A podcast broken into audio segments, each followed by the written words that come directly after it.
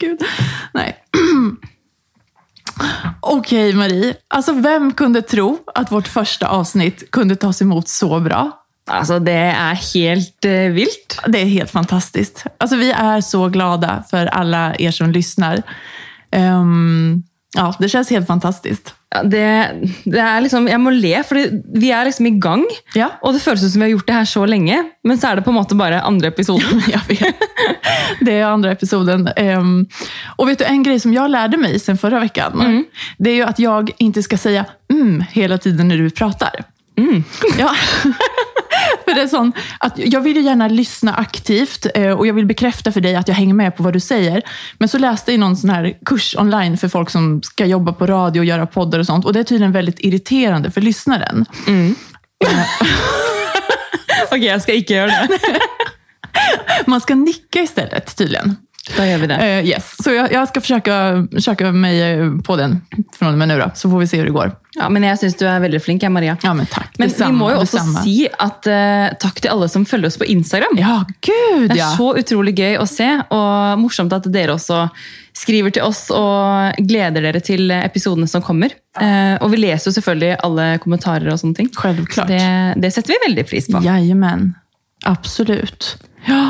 Eh, vad har hänt annars? Hur har veckan varit?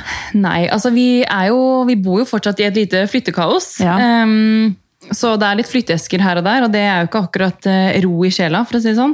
Men eh, det jo sånn en- for en liten periode, og så, og så blir det jo bra til slutt. Ehm, vi driver jo og titter på alt mulig innspo til interiør, for nå skal vi renovere. Eh, det er jo ikke bare bare, men eh, Nei. jeg tror vi må bare ta ett og ett rom, og så blir det bra til slutt. Men vi trives veldig i ny leilighet. Ja, det tar ju alltid en stund att bo in sig. Det gjør det. Men hva med deg? Har det skjedd noe gøy i det siste? Eh, ja, jag har ju eh, precis börjat jobba nu på riktigt efter min mammaledighet. Eh, och det känns ju väldigt, väldigt bra.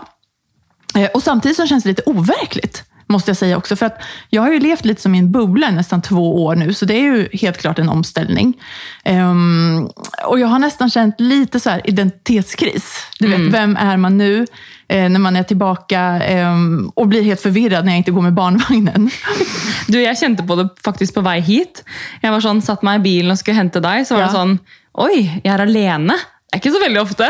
Nej. Hvem er jeg, liksom? Ja, jag vet. Det är ju, mm, och jag, jag är ju inte helt samma person idag som jag var för två år sedan heller. Och samtidigt så är jag ju det. Ehm, så ja, nej men ja, du hör ju. Vi, vi får se hur det går helt enkelt. Får håper du finner deg selv her med oss. Ja, verkligen. Absolut. Ja. Men hva sier du til at vi kicker i gang med dagens tema? Det tycker jag låter väldigt, väldigt bra. Vi ska ju dela med oss av våra förlossningsberättelser idag. Det blir sikkert mye grining på meg, kjenner Ja, ja, ja jag, ja, jag känner detsamma. Och om man tyckte att vårt första avsnitt eh, var lite kort, ehm, så tror jag nu bara att du som lyssnar kan, kan luta dig tillbaka, för nu kommer det pratas. Det blir eh, förlossningsstory för hela slanten här. Du lyssnar på Momlife-podden med mig, Maria. Og meg, Marie. Velkommen til ukens avsnitt.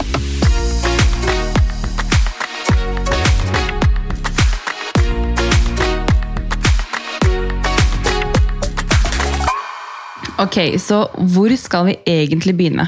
Fødselen var jo, det innebar jo så mye følelser, tanker og ikke minst smerte. Mm, ja, det är ju som, eh, som inget annat. Um, jag kan börja med att säga att innan jag var gravid, så jag förstod inte riktigt det här med förlossningsberättelser. För jag tänkte typ att, vad då är det en historia eller saga av något slag? Men, men nu när jag själv har gått igenom två förlossningar så förstår jag verkligen att man vill dokumentera det och helst skriva ner det så man kan se tillbaka och minnas. För att det är lätt att man glömmer bort det. Även om man inte tror det där i stunden så, så minnet det försvinner, försvinner ju efter en stund. Precis, för det händer så mycket annat. Ehm, och att, att föda barn är ju verkligen en helt galen upplevelse och så olika för alla. Så ja, kan inte du börja? Jag vill höra allt. Berätta allt från start. Du skal få høre alt, Maria. Yay. Um, ok, så jeg, Vi kan jo ta det helt tilbake. Ja. Jeg hadde en veldig fin graviditet. Eh, selvsagt så var det jo litt plager i starten. Jeg var litt trøtt, jeg var litt kvalm, litt uvel. Og for ikke snakke om hvor følsom jeg ble, og er. Ehm, men alt i alt så hadde jeg liksom en upåklagelig graviditet. da. Og jeg holdt meg i god form og gikk veldig mye. Eh, helt frem til eh, vannet gikk, da, for å si det sånn. Ehm, så dagen før fødsel, det her var jo helt i starten av sommerferien. Jeg hadde termin 10. juli, og Olivia ble da født tre dager før, så 7. juli. Ehm, jag skulle möta en väninna som skulle på sommarferie. Och så vi skulle ha sån, vår sista catch-up da, før eh, skulle resa. Ehm, så satte vi oss på delikatessen och skulle ta en kaffe, och så skravla gick. Ehm, och så säger hon plötsligt, oj, jag måste komma igår för hon skulle fixa något bryn. eller ett annat. Och så tänkte jag, ja, då får jag bara komma och gå gårde och den dagen så var det lite sånn småkaldt, og jeg på mig ett beige skjorta. Eh, så jeg, på vei hjem så tenkte jeg nå går jeg hjem og skifter, fordi jeg og Georg skulle gå og handle. Ehm, så jeg går da og skifter fra et skjørt til en tights. Det er liksom, Husk den detaljen, dere. Ja. Og ca. en halvtime etter jeg hadde sittet på den kafeen, så var Georg og jeg på butikken. Eh, og så går vi rundt på Rema da, og handler det vi skal ha. Og så kjenner jeg at liksom, oi, nå skjer det noe her. Eh, jeg skal ikke ha mensen nå. Hva, hva er det som skjer, liksom? Eh, og så titter jeg bort på Georg og liksom ga han et blikk som han, han skjønte liksom hva, Nå skjer det noe. Nu händer det Nå någonting. skjer det. Eh, og jeg bare Ok, jeg skal ikke ha mensen. Har jeg tissa på meg? Hva skjer? Och nu står du alltså inne på matbutiken. Nå står jeg rett ved siden av pa- panteautomaten Åh, på Rema. herregud. Eh, og så spør Georg om jeg hadde lyst til å gå hjem i forveien. Jeg bare, nei, nei, det går fint. liksom. Jeg blir med å handle. Og så ombestemmer jeg meg i det jeg på en måte svarer. da. Mm. For da kjenner jeg at det, da begynner det å, å renne nedover. Men förstod du att det var vattnet som gick? Jeg vet ikke hva jeg tenkte der og da, men jeg skjønte jo liksom at nå skal jeg hjem. Så da går jeg i forveien, og det var ikke lange veien fra Rema hjem. Da. Det var to-tre kvartal. Men jeg var ganske glad jeg hadde på meg en svart tights, fordi det rant jo hele veien fra Rema og hjem. Så det, det, det beige skjørtet, det er jeg glad lå hjemme. Tänk om du inte hade bytt om. Nei, det, Eller tänk så här, vad, sjukt att du faktiskt gjorde det. Ja, føler det er en mening med det der. Nei, så jeg går i hvert fall hjem. ehm, så jeg var veldig glad for at jeg hadde på meg svart tights. eh, og nå var jeg jo ikke i tvil. Det var jo vannet som hadde gått. Eh, og da Georg kom hjem fra butikken, så ringte vi opp til Ullevål da, for å høre liksom, hva skjer nå. Vi hadde aldri født før. Vi vet ikke hva, altså Er fødselen i gang? Hva, det sies jo at födseln er i gang når vannet har gått, men Eh, Det startet jo ikke med rier hos oss. Så da fikk vi beskjed om å komme inn på en sånn vannavgangskontroll, og det var jo da halv ti på kvelden, åtte timer etterpå. Så var vi på kontroll, sjekket at Olivia hadde det fint, og at hun tålte vannavgangen. Och vad gjorde du då från att vattnet började gå? Alltså från matbutiken till att du kom in? Ja, då mm, husker var ganska så nervös, för jag gick ju egentligen bara och väntade, men jag prövde liksom att... eh, Jo, det jag måtte, da, var att å ha på meg et bind, så jag kunde följa med på liksom fargen till fostervannet. att inte det forandret seg.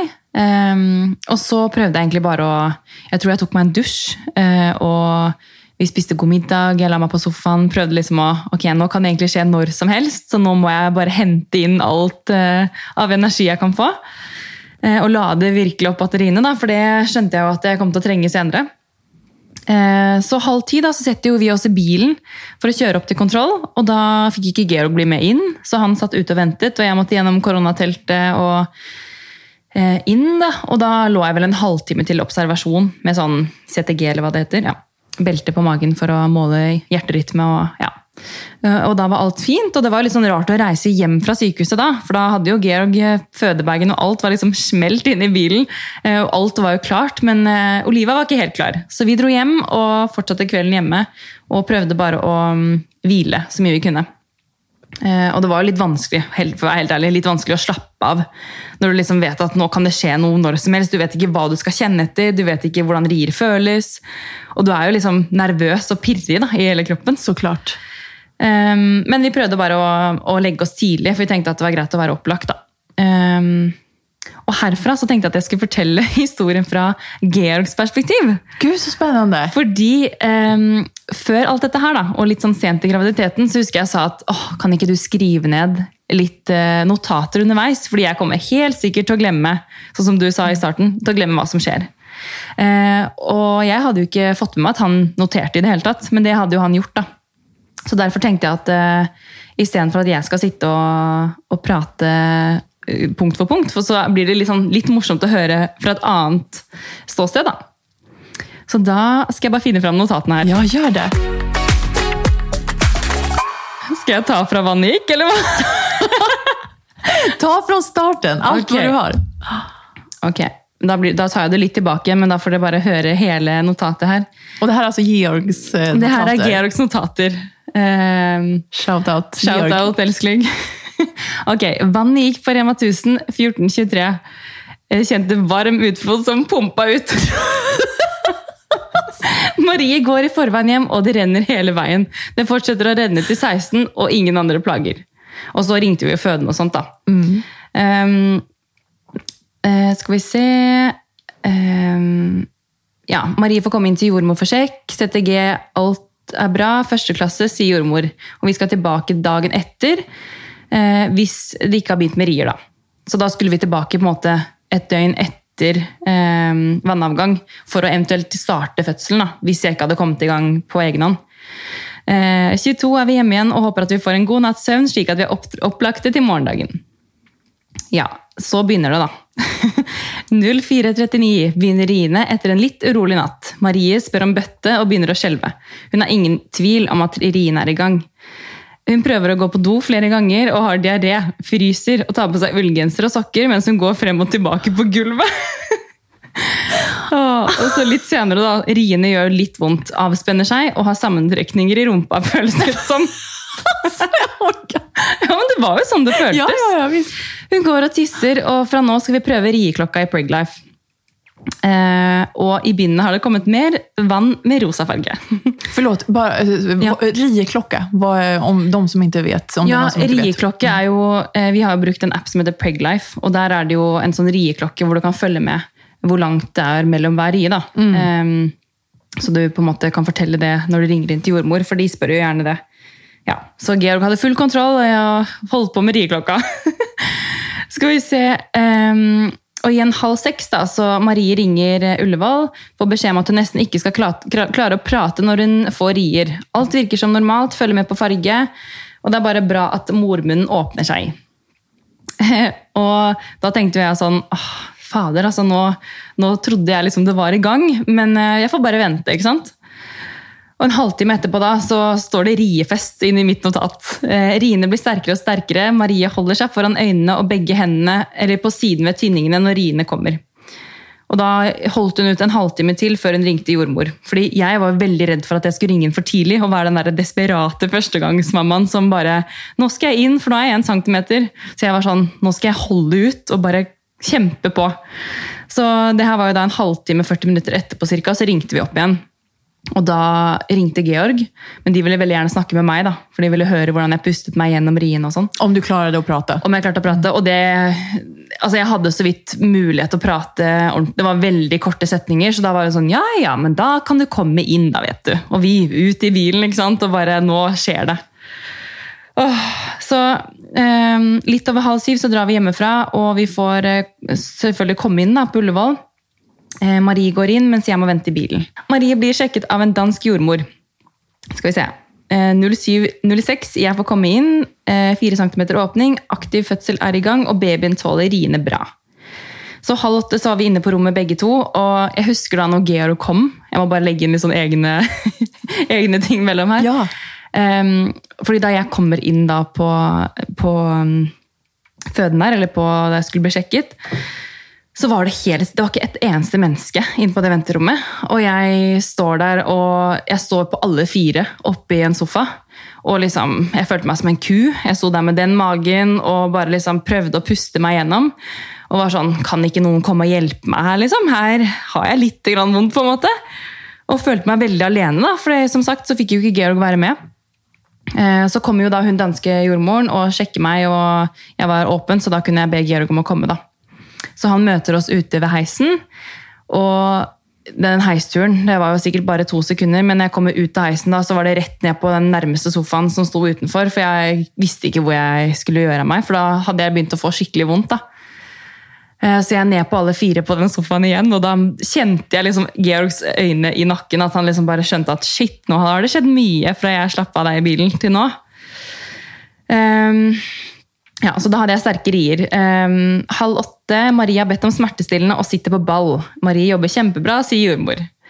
Og så var det en vaginal undersøkelse, og like etter dette her så ba jeg om epidural, fordi da hadde jeg kjempet på i noen timer, og jeg kjente at eh, nå, nå bare ber jeg om det. Ja. Men det jeg også må si, da, var at før, eh, før jeg fikk epidural, så spurte de om jeg ville ha noe annen smertelindring. Eh, og da eh, brukte jeg faktisk varmepose. Ok. Både en foran på magen og en bak på ryggen. Og det hjalp veldig bra. Eh, men så når jeg kjente at de varmeposene de kunne jeg bare hive ut av vinduet, så ba jeg om epidural. Da. Så hvis man har mulighet til å ta varmepose, så eh, har man min beste anbefaling på det. da. Eh, og skal vi se, Da fortsetter jeg på notatet mitt her. Eh, epiduralen begynner å funke. Dette her er da kvart på ni. Eh, så da hentet jordmoren litt mat til meg. og Jeg satte meg opp i sengen, og jeg har faktisk en video av dette her, så det kan jeg legge ut på Instagrammen vår. ja, det måste du göra. Eh, For da så jeg så fornøyd ut. Eh, og babyen hadde det fint.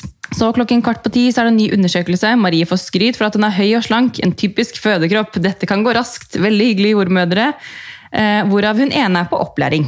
Så jeg hadde da faktisk to på opplæring underveis, da, og de var kjempeflinke. Så halv ti, da, det var jo da jeg hadde kommet inn på føden eh, eller på rommet da, halv åtte. Så to timer etterpå så kjente jeg behov for å presse. Så da, var det, da sjekket de meg, og det var full åpning. Eh, og Olivia hadde det fint, så da var det liksom bare å sette i gang. Og da husker jeg liksom at de skjønte at oi, det her kan gå raskt. Så da kommer de trillende med et bord inn, og der ligger det liksom linet opp med alle mulige verktøy. Og jeg tenkte bare ja, her er det bare, her er det bare å spre beina og sette i gang. Det typ skramlar lite när de kommer in med Ja, brickan. du hører at det liksom det klirrer litt. Jeg Fordi det, vet. alt er jo litt sånn vet. metall. Metall. Så jeg bare, ja, der så jeg en saks, og der, så, ja, jeg prøvde bare ikke titte så mye på det bordet, for å være ærlig. eh, ja, det står i notatet også, utstyret er på plass, eh, og Marie kjenner mye press. Eh, Och hur ont hade du här? Hur kände du? det som var da, var at eh, jeg fikk epidural eh, Jeg fikk epiduralen rundt ni, og rett etterpå, det tok kanskje ti minutter, kvarter, så kjente jeg ingenting. Så jeg var sånn, jeg var jo forberedt på at jeg kom til å kjenne riene og vite når jeg skulle presse, og sånn, men jeg, de var sånn Ja, nå har du en rie. Nå har du en ny. Nå kom det en ri til. Så var jeg sånn Ok, eh, takk, men eh, jeg kjenner ingenting, jeg. Så jeg reiste meg opp og var klar for å gå litt rundt for å liksom få eh, få hva skal jeg si, babyen lenger ned i bekkenet. Da. Men eh, det trengte jeg ikke, fordi da var det liksom klar for å presse nesten. Så det gikk jo ganske fort, da. Ehm, så her står det i notatet mitt kvart over ti at nå virker det som jenta vår vil ut. Marie sier at hun føler som hun må bæsje, men det er bare hodet som trykker på. Så halv, halv elleve så begynte jeg å presse, og en time etterpå så kom Olivia. Åh herregud. Och hur kändes det? Nei, altså, Det føles jo helt surrealistisk å sitte og lese opp det notatet her, og så er det om meg selv. Fordi du er jo bare i din egen eh, verden. Eh, og det du har gått og gledet deg til og ventet på i så og så lang tid, plutselig så har du den varme klumpen på brystet. Og det er jo ikke annet enn fantastisk. Det var en helt, helt, helt ubeskrivelig følelse. Åh. Och hur mådde du? Jeg tror egentlig ikke jeg skjønte det med en gang, fordi jeg hadde jo da presset nesten en time. Og mm, som sagt, jeg kjente jo ikke riene, så det var litt sånn vanskelig for meg å vite når jeg skulle presse. Og jeg måtte til og med presse ganske mange ganger per ri, siden jeg ikke kjente noe. Så de var sånn, ok, bare prøv igjen, prøv igjen. Og det er jo noe man ikke lærer på forhånd, hvordan man skal presse, hvordan man skal hente seg inn med pusten. For det syns jeg var ganske utfordrende, da. Når du er sliten, og når du ja, du, du har aldri gjort en sånn type pressing før. Och du vet ju inte heller hur din kropp reagerar. Nej. Alla är ju olika och Ja. vad som funkar för någon annan kanske inte funkar för dig och nettopp. tvärtom. Eh, Jeg fikk i hvert fall beskjed av Georg at det, det så ut som det pressa ganske bra, for du var helt rød i trynet. Og etterpå så hadde jeg et sprengt blodkar i øyet. Jeg bare Hæ, hva skjedde her? Så jeg ja, pressa bra på, da. Men eh, plutselig så mm, De ba meg å- om å slutte å presse et lite øyeblikk, og da skjønte jeg at ok, nå må jeg bare holde igjen her. Ja, ja, det är kan- det också. Man Ja. får inte göra för hårt heller. Nei, så nå kan det gå gærent hvis jeg ikke tar en pause. Ja. Men, eh, men eh, så kunne jeg presse igjen, og da ja, Plutselig så bare kom hun ut, liksom. Det er, det er så sykt. Åh, det är så sjukt. Skjø- jeg, blir, jeg kjenner jeg blir helt varm. Jeg blir Ja. helt svett. Alltså jag sitter typ och håller andan. ja. Och Under tiden nu som du har pratat så Ja. har jag suttit så här. Du sitter nesten og kjenner på Ja, den følelsen ja, ja, selv. ja, ja. At det, du ligger der på føden. Nei, så det, det kan ikke beskrives. Det må bare oppleves. Hvis man har mulighet. Så halv tolv så kom jenta vår takket være to flinke på opplæring og jordmor Kajsa. Er det dumt å si navn? Nej. Nei. Og så må jeg lese det siste på notatet her.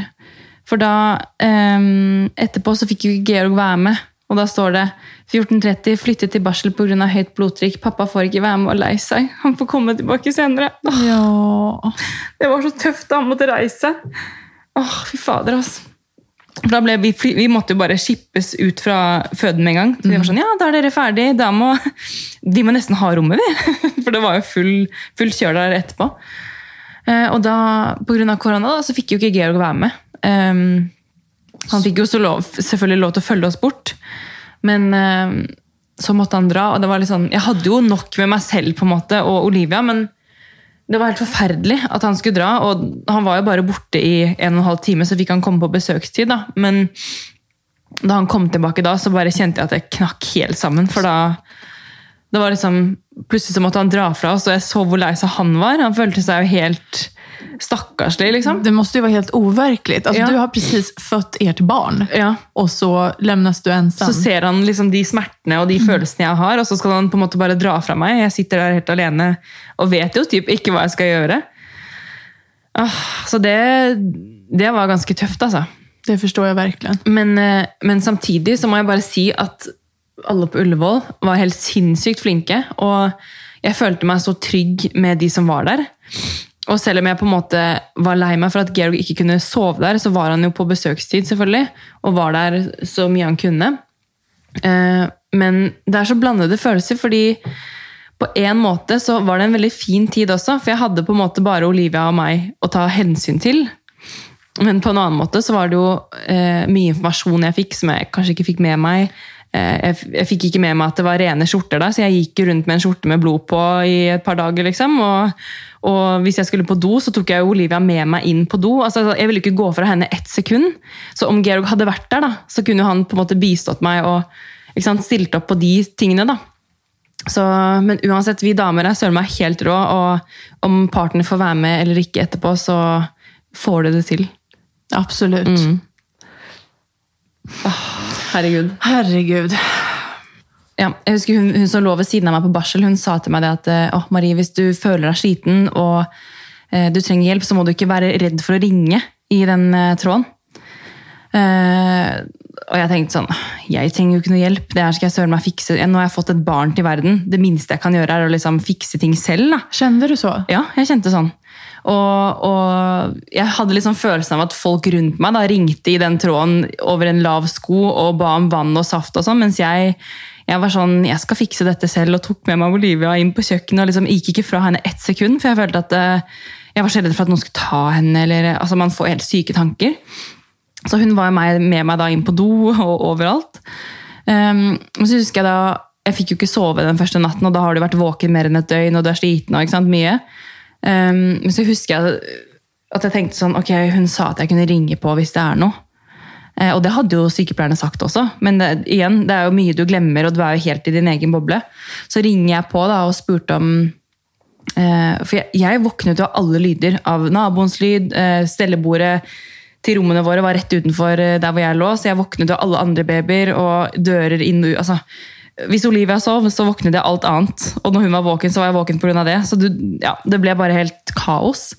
Um, men så ringte jeg på da og spurte liksom, har dere mulighet til å ta med Olivia bare ut et, bare så jeg kan, bare kan sove et kvarter. Jeg, jeg trenger ikke mer, liksom, bare et kvarter, så er jeg good. liksom. Så husker jeg de tok med Ja, jeg kunne gjøre det, da. Tok med seg Olivia ut. Og da jeg så de ta med seg henne ut da, jeg kjente så sykt nederlag allerede da. altså nå har du, du, du liksom Du fikser ikke det engang, liksom. Men Du er allerede mislykka som mamma. Nej, men du... Jo, men det tenkte jeg. Jeg tenkte sånn, ok, det er, Første natta så må du ha hjelp, tenkte jeg. Gud, nu är du väldigt hård mot dig själv. Nei, men Det var sånn jeg tenkte. Ja. Så når jeg så de ta med seg henne ut, så ligger jo jeg der og, og hulker. For jeg følte så nederlag at jeg liksom ikke At jeg måtte be om hjelp. da. Men samtidig så Jeg måtte jo bare. Så våkner jeg da Det her var jo sånn halv fire-tiden, så våkner jeg da ru- rundt syv. da. Og Oliva var jo ikke ved siden av meg, og jeg så på klokka, jeg sov tre timer. Hallo, jeg skulle bare sove et kvarter. Hvor er babyen min? liksom? Så jeg er omtrent på vei ut i gangen da, for å lete etter henne, men da kom de inn da, med henne. Og sa at eh, vi så at du trengte å slappe av litt. Så da, da var jo, jeg kjente at vet du, den søvnen der, det var alt jeg trengte. Då tog personalen hand om dig lite grann där De också. tok hand om meg, ja. Så de, de tok med seg Olivia på en liten tur, og hun fikk sove litt og sånn. Eh, Og jeg eh, ja, fikk den lille skjønnhetssøvnen som jeg trengte. Det låter bra. Ja. Ja, herregud. Alltså, tusen, tusen tack för att du delar allt det här. Takk selv, som er her og sitter og hører på. Ja, det gör jag så gärna. Men Maria, kan ikke du fortelle din, eller dine historier? For du har jo faktisk to.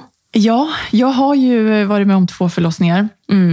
Ehm, och jag tänkte lite på, inför att vi skulle spela in det här, så tänkte jag lite på hur jag skulle berätta dem på, på bästa sätt. Då.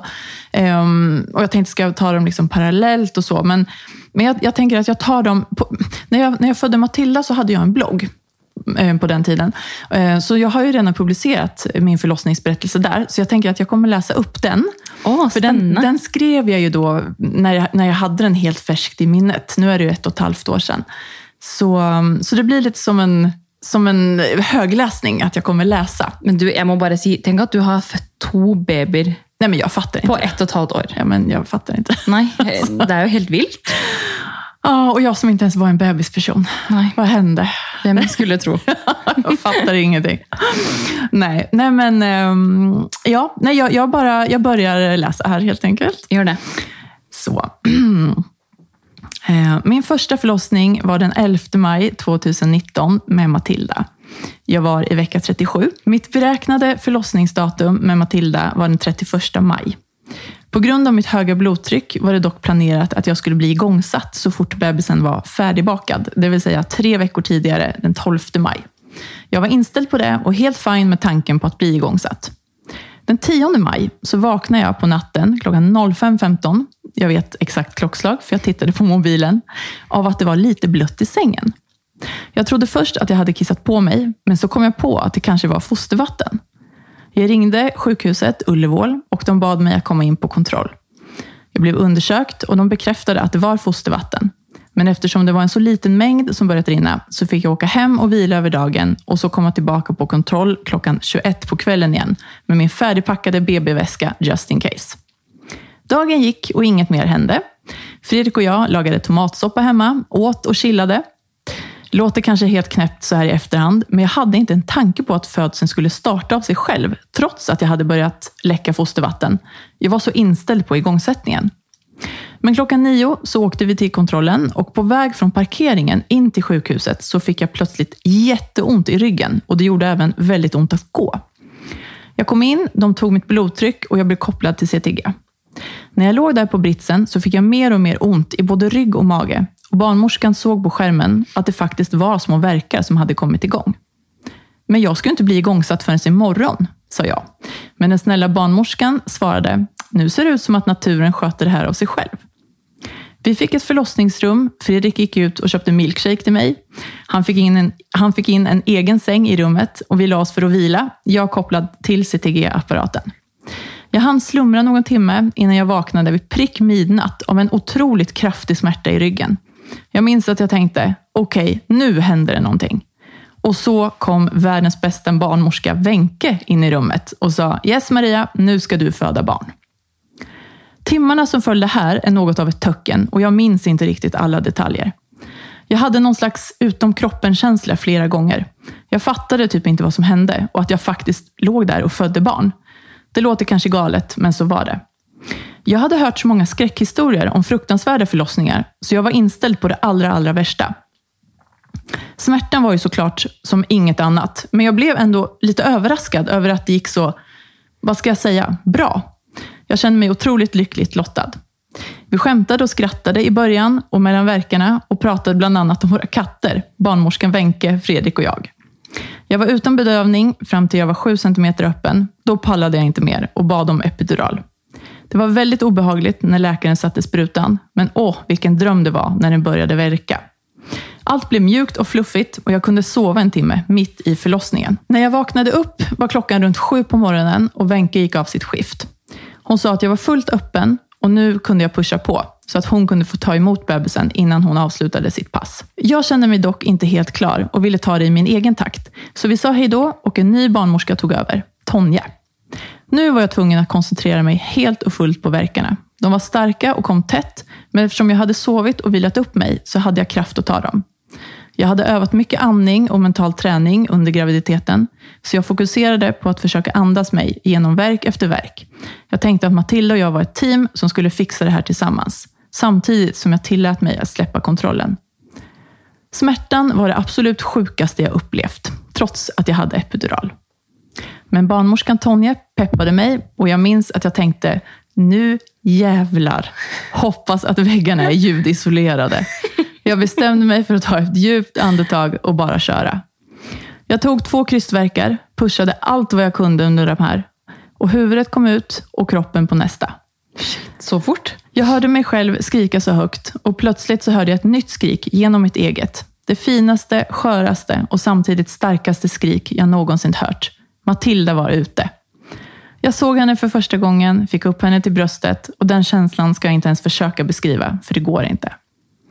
Matilda föddes klockan 08.38 den 11 maj. Hela aktiva förlossningen tog ungefär 8,5 timmar. Smärtan var som sagt helt galen, men den mäktiga känslan vägde upp. Jag fick inga skador och jag kunde verkligen inte haft en bättre förlossning. Så otroligt tacksam för det. Det blev dock dramatiskt en kort stund efter att hon hade kommit ut. Hon låg vid mitt bröst och började plötsligt att bli lila i ansiktet. Barnmorskan tog snabbt henne till läkare och det visade sig att hon hade lågt blodsocker, så hon fick ligga på övervakning de första timmarna efter födsel. Det var fruktansvärt att inte få vara med sitt barn direkt efter födsel och jag var väldigt orolig och ledsen. Tack och lov var det ingen fara och det rättade till sig snabbt, så jag fick vara hos henne igen på eftermiddagen. Fredrik och jag satt hos henne, åt och sov under tiden som vi väntade. Mm. Det var det jag hade skrivit på min första. Oh, jag satt här med gåshud. Det var så spännande att höra på. ja. Det... Um, ja. Och Hur känns det att läsa det där Alltså det känns ganska sjukt. Mm. Det känns som att det var så himla länge sedan. För mm. att det har hänt så mycket saker sen, sen det, det hände. Och samtidigt så lever jag ju, alltså, när, när jag läser det, upp det nu och, så känner jag ju allting som jag kände då. Men det är så fint skrivet. Ja men tack. så flink du är. tack. Ja. Um... Ska vi se, och så ett kvarter etterpå så är det födsel nummer två. Gud, det här kanske blir jättetjatigt att lyssna på. Nej, men sån, för dig, det har ju plötsligt så har du liksom en födsel och så... Ja, jag är väldigt glad att, ähm, att min första förlossning gick så bra. Ja. Äh, för jag har ju verkligen, jag tyckte, alltså det, smärtan är ju, det gör ju så ont så man vet ju inte var man ska ta vägen. Men, men det gick ändå bra. Det, det, var, jag, jag trodde, jag, men det kanske var att jag hade andra förväntningar. Jag, jag förväntade mig, jag var nästan så här att okej, okay, så länge ingen dör, typ. Eller bara vi klarar oss. Alltså så, nu var det väldigt Jag känner att du överdriver, ja. men jag satt ja. med samma känslor. Att jag, jag förberedde mig på det absolut. Alltså, jag visste att det kommer att göra ont. Mm. Och så tänkte jag sån, det kan jag inte göra något med, för smärtan kommer oavsett. Så jag försökte bara att liksom, peppe meg selv da, ja. på, på, at det, altså, folk fødte i huler før. Det her klarer vi, liksom. Ja, ja. men eh, Det var selvfølgelig vondt, men jeg er også veldig positivt overrasket over hvor bra det gikk. Hvis man kan si det. Ja, men Både du og jeg har jo positive opplevelser av mm. fødsel. Man hører jo stort sett bare det som er negativt. da. I media og av venner så hører man jo ofte hvor jævlig ting er. Eh, og så blir man litt skremt, men jeg tror det er lurt å bare känna, eller tro på sin egen uh, intuition. Ja. Och tänka att uh, det går ju fint, du får god hjälp. Precis, och så samtidigt så ska man absolut inte förringa de som faktiskt går igenom fruktansvärda absolut förlossningar, inte. för det finns ju gott om dem också. Men vi kan ju vara väldigt glada, både du och jag, att, att vi har fina upplevelser. Då. Väldigt tacknämlig för det. Ja. Okej, okay, är du redo för min andra? andra jag ska bara hämta mitt här.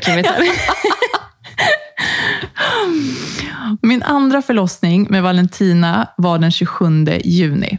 Jag var i vecka 35, så hon var lite prematur. Och det här kan jag säga, det, det jag kommer läsa upp nu, eh, det skrev jag två dagar efter hon var född. När jag var vi fick ju stanna kvar på sjukhuset, det kommer jag återkomma till. Men då satt jag på, jag satt ensam på, för här nu har ju corona kommit in i bilden mm. och det ändrar ju om väldigt mycket. Eh, så jag satt ensam på ett, eh, det här sjukhushotellet, Barselhotellet och skrev där, tittade, jag satt vid fönstret, tittade ut, eh, det var solnedgång och jag eh, skrev det här då. Jag vaknade klockan 00.45 lördag den 27 juni av att vattnet gick i sängen. Över en månad tidigare än beräknat. Vid min första graviditet var det bara några smådroppar, men den här gången var det mer ett sånt där splash som man ser på film. Herregud. Hollywood. ja, det var inte, det var inte vackert kanske. Matilda låg och sov i sin säng och Fredrik var ute med båten. Jag smög upp och ut ur sovrummet så försiktigt jag kunde, med vatten rinnades överallt. Och Aron, som nyfiket sällskap, tog, ett hand, tog en handduk mellan benen och ringde först Fredrik och sen sjukhuset som bad oss att komma in. Fredrik kom hem snabbt som blixten. Vår vän Jan Petter kom och passade Matilda som låg och sov. Och klockan 02 var vi på Ullevål där de konstaterade att jag redan var öppen 5 centimeter och i aktiv födsel. Oj. Vi fick vårt förlossningsrum, mötte vår fantastiska barnmorska Winnie. Jag kommer prata mer om henne sen. Jag svidade om till nättrosor och sjukhusskjorta, la mig i sängen, blev kopplad till CTG och försökte greppa att nu är det dags igen. Jag ska föda barn. Vår Valentina kommer snart till oss. Och det kändes pirrigt och kul. Jag hade läst och hört från andra att andra förlossningen ofta kan gå snabbt och jag var inställd på det och pepp på action. När timmarna började gå utan att någonting hände, enligt mig då, och klockan blev fyra, fem på morgonen, så var jag nästan lite uttråkad. Och jag tyckte inte heller att jag hade så ont som jag borde ha. Eftersom jag tyckte att jag inte hade så ont, så tackade jag nej till epidural när det var den sista chansen att sätta den. Tog ett djupt andetag och hörde mig själv säga, nej det går bra, jag kör naturligt. Jag ångrade mig samma sekund, sekunden efter jag hade sagt det. Unnskyld att jag ler, men jag bara, du är så tuff och så bara känner jag den känslan. Nej, men det sjuka är att jag är ju absolut inte tuff. Det är det som är, det är, det som är så konstigt. Jag fattar inte vad jag höll på med. Nej. Alltså när, när jag hade sagt, jag bara, nej, nej, det går bra, jag behöver ingen, jag behöver ingen smärtlindring. Jag bara, vad gör jag? Du kände liksom en liten anger? Ja, ja, jag vet inte. Men så bara, ja, ja, nu är det no turning back. Det, mm. ja. Um, vår kompis JP var hemma med Matilda och på den här tiden så vaknade hon ofta runt fem på morgonen och vi ville inte riskera att varken Fredrik eller jag var där när hon vaknade. För corona hade ju gjort att vi inte kunde vänja henne så bra med barnvakt. Så vi tog beslutet att Fredrik åkte hem för att vara med Matilda och jag då antagligen missa själva förlossningen. Det kanske låter otänkbart för många och det hade det gjort för oss också om vi inte redan hade haft ett barn hemma. Men nu var det inte så svårt, för hennes behov går självklart först. Så kvar i förlossningsrummet var bara barnmorskan Winnie och jag. Och klockan halv sju på morgonen så började det hända grejer. En riktig mardrömsverk kom från ingenstans och jag blev så chockad, tappade kontrollen helt, fick panik och bara skrek rakt ut. Jag hade varit skonad från den här intensiva smärtan fram till nu. Men plötsligt så kände det som att hela min mag och rygg slets sönder. Nu börjar det Maria, sa Winnie. Andas, andas, andas. Tänk att du kan det här. Och Det var det som jag koncentrerade mig på den kommande en och en halv timmen, där jag låg på vänstra sidan i sängen och tog verk efter verk. Andningen hjälpte mig massor under min första förlossning och det, och det var även denna gång i andningen som jag hittade styrka och trygghet. Nu kommer hon alldeles snart, sa Winnie och kallade in två barnmorskor och en läkare i rummet. Jag ska egentligen gå av mitt pass nu, men jag kan stanna med dig om du vill. Och när de avgörande krystvärkarna kom var smärtan så stark så att det kändes som jag inte visste vem jag var, var jag var eller någonting. Livet var en mardröm och jag minns att det kändes som att jag plötsligt inte såg någonting. Och jag tänkte samtidigt att det här var en ny nivå av livet. En ny nivå av precis allt. Jag ser ingenting, vrålade jag till Winnie. Samtidigt som jag pressade ihop låren som bara skakade av mjölksyra. Det här går inte, jag vill inte, jag vill hem, grät jag. Jag kände, jag kände verkligen så. Alltså jag, bara, jag, jag ångrar mig. Jag vill, ja. jag vill åka hem nu. Jag, jag skiter i det där. Stackar. Um, jo, du klarar detta Maria. Valentina är snart här. Försök att slappna av i låren. Du måste ge plats för henne nu. Vill du känna på huvudet? Frågade läkaren med mild röst. Och genast var det som att min syn kom tillbaka. Vad då känna på huvudet, tänkte jag, men förde ändå ner min hand mellan benen och strök Valentina på huvudet. Plötsligt så kände jag hur adrenalinet bara pumpade och gjorde mig så stark, så stark. Där låg jag och födde barn utan smärtlindring, utan man och hade min hand på mitt barns huvud. Det var den mäktigaste, mäktigaste känslan någonsin. Och det är en känsla som jag är tacksam över att ha upplevt och jag kommer alltid bära med mig den. Samtidigt så saknar jag Fredrik så otroligt mycket i denna stund. Jag kände mig så ensam och grät hysteriskt och Winnie förstod det, för hon satte sig på en stol vid mitt huvud och tog min hand. Hon sa ingenting, utan bara höll mig hårt i handen. Hon släppte inte förrän Valentina var ute. Gud, nu blir jag så känslig. Ja, ja. Åh. Det var där och då det allra finaste någon, någon kunde göra för mig. Och jag är henne evigt tacksam. Oh, Gud, det var inte meningen att börja gråta nu. Jo, få det. Men det var, så, det var så fint att hon såg det. Att jag behövde det. Fy søren for en bra dame. ja, jag vet. Jag skickade blommor till henne efteråt. Du, da. Ja, men alltså det var... Hon var, hon var dansk. Din, Mm. Ja, väldigt många bra danskar. Okej, nu ska jag fortsätta. Ah, Gud. Med min nya kraft kom Valentina lugnt och fint ut och upp till mitt bröst och poff, all min smärta var borta. Klockan var 07.59 på morgonen och precis då så sken solen in genom fönstret, så jag brukar säga att hon kom med solen. Precis som första gången så klarade jag mig helt utan skador och återigen så är jag obeskrivligt tacksam för det. Kroppen alltså, vilket fantastiskt arbete den kan göra. Åh gud, ja det var själva födseln. Fy søren så imponert jeg er over deg, Maria. Nej men, Du, du er helt rå. nej men slut. Jo.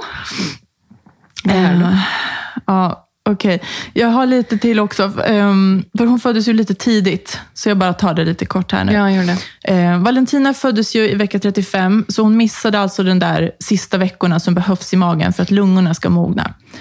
Så vi fick stanna kvar på nyfödd intensivavdelningen på sjukhuset i tio dagar, så att hon kunde få den hjälp hon behövde. Jag vet inte hur många gånger jag gick fram och tillbaka i den gula korridoren med stora fönster för att träffa min dotter, som direkt efter födsel blev inlagd på rum 16 för bebisar som kräver avancerad vård. Jag var så rädd de första dagarna. I början så svarade hon inte så bra på behandlingen som läkarna trodde att hon skulle göra. Och jag ringde min syster och grät.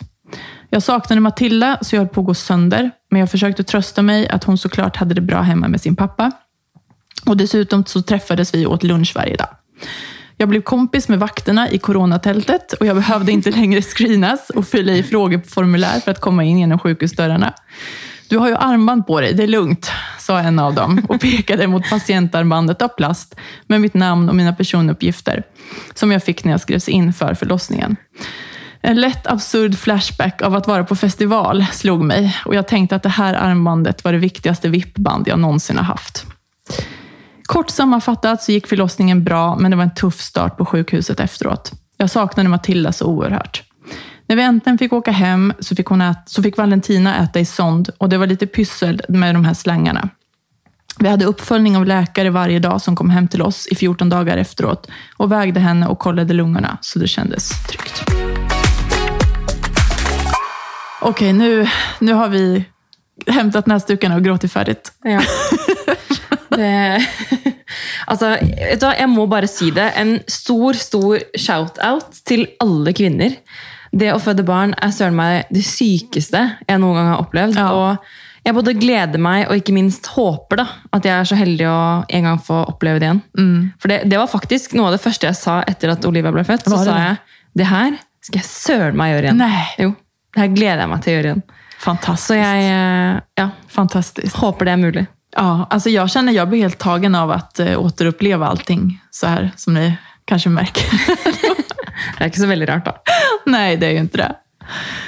Ehm, ja, ska vi gå över till eh, vårt fasta inslag? Ja, la oss gå over til ukens tips.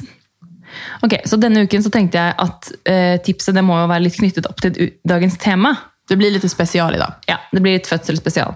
Så eh, medan du går gravid, så får du väldigt mycket tips om vad du ska göra. Och, ja, Du måste inte höra på allt, du måste bara skilja ut och ta med dig det du menar är viktigt. Så eh, på min sista jordmorkontroll hos, eh, på hälsostationen så husker jag jordmorn sa till mig att eh, Marie, om jag kan ge dig ett tips, så mm, eh, är det att ta en ting om gången. Og vet du hva? Det var faktisk det beste tipset jeg kunne fått. Fordi hun sa ikke tenk hva som skjer om en time. Ikke tenk hva som skjer når riene blir verre. Vær her og nå. Og det er faktisk det beste jeg kunne ha med meg. Så jeg hadde det liksom top of mind under hele fødselen. At liksom Denne rien, denne rien. Vær her og nå. Pust deg gjennom. Ikke tenk på etterpå. Fordi jeg tror da at veldig mange, inkludert meg selv, kan stresse over tanken om hva som skal skje senere. Hva skjer etterpå, hva skjer i morgen, planlegger osv. Så, videre, og så, videre. så mitt beste tips er å bare være her og nå, og stol på deg selv. Väldigt bra tips. Jag skriver under på den. Mm. Mitt tips är eh, att andas.